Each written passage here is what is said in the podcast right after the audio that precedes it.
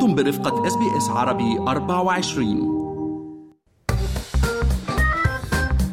مال واقتصاد.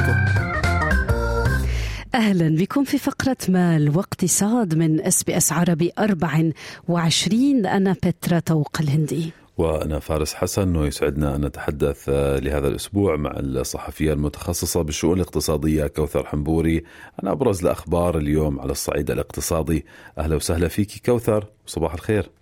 أهلا وسهلا فيك صباح النور لك ولبترا welcome back thank you thank you so صباحك much نور كوثر. بسعدني إني معاكم لهذا الصباح. يعني كوثر آه، اليوم المواطن الأسترالي عنده شوية confusion يعني آه، وزير الخزانة جيم شالمرز عم بيحكي يمكن أسوأ ما في أزمة التضخم في أستراليا صار من الماضي والأحسن والأفضل قادم ولكن المعارضة عم تحكي لا الحكومة عم تستخف اليوم بحجم المشكلة صحيح. وأنه تشالمرز يعني بلش بحملة لتلميع ميزانيته في أيار مايو. شو رأيك كصحفية متخصصة بهذه الشؤون؟ نعم آه، آه، صحيح هو وزير الخزانة عم بيأمل إنه آه، آه، إنه يصير آه، التضخم ورانا وإنه يكون الاقتصاد الأسترالي بدأ بالتعافي أو بدأ يسلك طريق التعافي.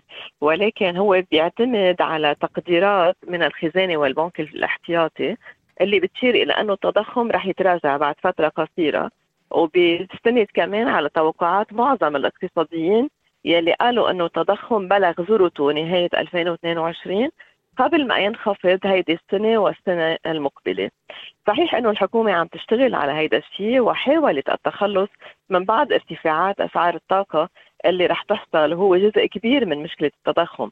الا انه الأمور النظرية واستخدام أدوات مالية للجم التضخم من خلال رفع الفائدة أمر مختلف عن الواقع حيث من المتوقع أن تعيش الأسر الأسترالية ظروف صعبة جدا من 2023 لأنه الملاحظات تشير إلى استمرار ضغوط التكلفة تكلفة سلسلة التوريد لا تزال إلى ارتفاع إلى بقية السنة المالية 2023 بمعنى ثاني انتقادات المعارضة هي بمحلها لأنه قالت إنه الحكومة عم تستخف بحجم حجم المشكلة ومن المتوقع أن تظهر بيانات التضخم ارتفاع آخر بديسمبر. على أي حال آه، أمين الخزانة أقر بيقول إنه ما زلنا نواجه تحدي تضخم كبير باقتصادنا حتى عندما نصل إلى الجانب الآخر من الذروة سيكون التضخم أعلى مما كنا نرغب فيه ولمدة أطول مما كنا نرغب وهيدا صحيح 100% يعني هو ما كان متوقع. هالقد رح يطول كوقت وهالقد رح يكون صعب وقوي فعلا يعني التضخم يمكن بال بالسؤال اللاحق آه، رح. ن- نحكي ليش عم نحكي هيك.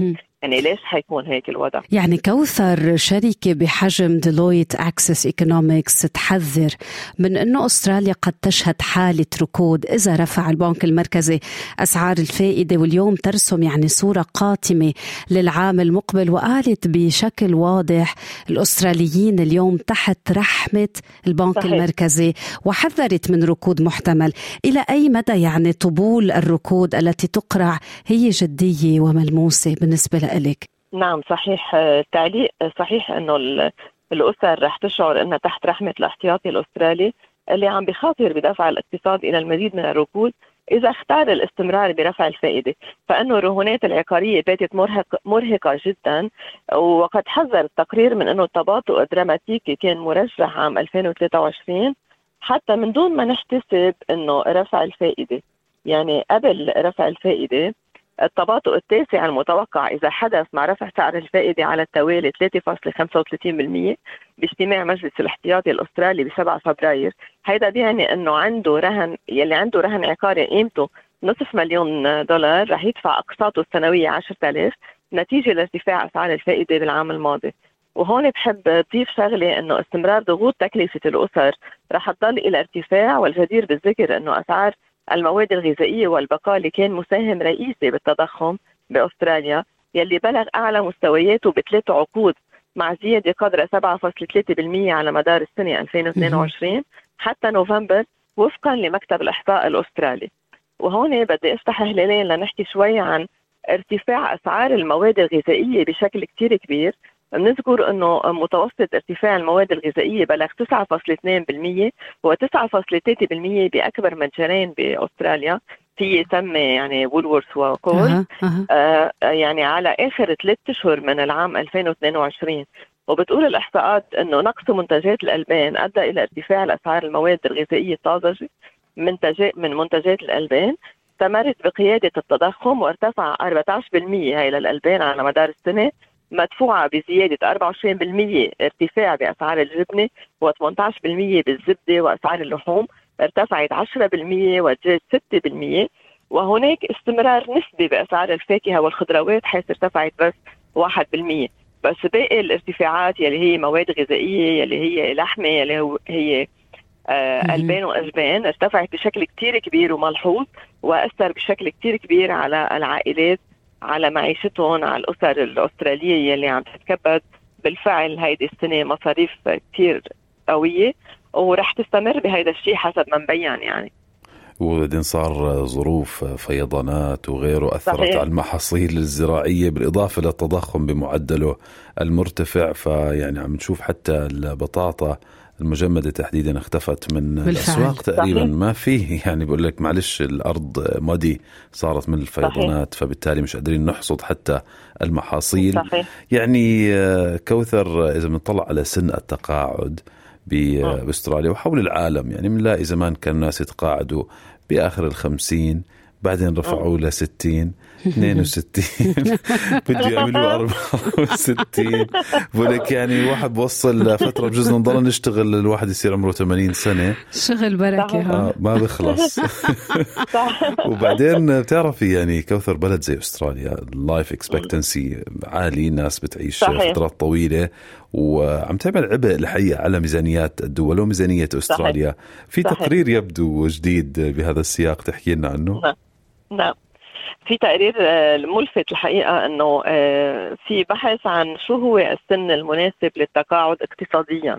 يعني مش إنه هيك آه،. قررين اقتصاديا شو الأنسب يعني أنسب سن للتقاعد. ونفسيا ما بعرف إذا أخذين صحيح. نفسيا كمان. صحيح صحيح. بتواجه العديد من حكومات الدول صعوبة بالتعامل مع ظاهرة ارتفاع متوسط عمر الإنسان. نعرف اليوم الظروف الصحية أحسن بكثير وصار الإنسان عم بعيش عمر أطول وهذا الشيء بينعكس آثاره السلبية ارتفاع متزايد بالمخصصات المالية يلي عم تقدمها الدول لصناديق التقاعد وتراجع بالإنتاجية الاقتصادية ومن بين الحلول اللي عم تلجأ لها بعض الدول هي رفع سن التقاعد وهي الخطوة اللي عم تقوم فيها الحكومة الأسترالية وقتها عم تجعل آه، سن التقاعد 64 آه، آه، يعني عم من بعد ما كان آه، 62 آه، مم. ووصفت قرارها بالإصلاحي وبيختلف سن الإحالة للتقاعد بين دولة وثانية وهو بيتراوح حاليا بين 55 و70 سنة حيث بيتجه الكثير من الدول نحو إعادة تقييم السن الأنسب للتقاعد خصوصا متوسط العمر الصحي أي عدد السنوات اللي بيعيش فيها الأفراد بصحة جيدة ارتفع كمان. هيدا حول الشخص المتقاعد بنظر الحكومات إلى شخص عم يصرف الأموال من دون إنتاجية تذكر. هلا بيقول الخبير الاقتصادي دانيال ملحم إنه الهدف الأساسي لرفع سن التقاعد هو التوفير بالإنفاق وزيادة مداخيل صناديق التقاعد ورفع الإنتاجية اللي بتنعكس ارتفاع بالنمو على المدى الطويل وهو ما يعتبر مفيد للاقتصاد بشكل عام. وأشار انه إنه الحكومات عم توصف خطوة رفع سن التقاعد بالإصلاحية كونها عم تخفف من التكاليف المالية المترتبة عليها وعم تحول الفرد إلى شخص منتج كما انها عم تحافظ على الكتلة العاملة بسوق العمل عند مستويات مرتفعة. وبيشرح أنه خروج العامل مبكرا من سوق العمل عم بيحوله إلى عنصر مكلف بالنسبة للدولة اللي عليها انه تخصصه براتب تقاعدي قد يستمر لفترة طويلة جدا بتوصل إلى 20 سنة في بعض الأحيان خصوصا مع تطور صحة الإنسان وارتفاع متوسط عمره وبيقول أنه التكاليف ما بتتوقف عند هالحد بل بتمتد لتشمل أيضا أنظمة الرعاية الصحية من هون فإنه دول صارت عم بتحاول تخفف من هالتكاليف من خلال الالتزام بالعمل لفترة أطول طالما إنهم بيتمتعوا بصحة جيدة وحتى ما طول عليكم آه، سن التقاعد آه، اقتصاديا بالنسبة لملحم هو أها. 65 سنة آه، 65. يعني بيلاقي أها. 65 بيلاقيه انه بيلاقيه إنه هو السن الأنسب للاقتصاد لأنه الفرد حتى هذا العمر بيستطيع من خلال إنتاجيته أنه يساعد الاقتصاد أكثر مما يكلف الاقتصاد. واشار إلى انه ليست هناك علاقة مباشرة بين رفع سن التقاعد والتضخم إلا أنه استمرار الفرد استمرار الفرد بإنتاجيته بعزز من صلابته المالية خلال فترة التضخم. كتير ملفتة يعني هالإضاءة وهيك بتحمل كمان التفكير والنظر لها من جوانب مختلفة. شكرا من قلبنا لك الصحفية المتخصصة بالشؤون الاقتصادية كوثر الحنبوري على هذه الإضاءة الأسبوعية. شكرا كوثر. الواحد بده يتقاعد ويروح كروز حول العالم. تعرفي هذا الحلم الأسترالي التقاعد yes. آه، ولكن شكله هذا حلم رح يصير بعيد. المنال حسب كوثر. شكرا جزيلا. هالبودكاست موجود على موقعنا الإلكتروني وعلى SBS Radio app. هل تريدون الاستماع إلى المزيد من هذه القصص؟ استمعوا من خلال Apple Podcast Google Podcast Spotify أو من أينما تحصلون على البودكاست.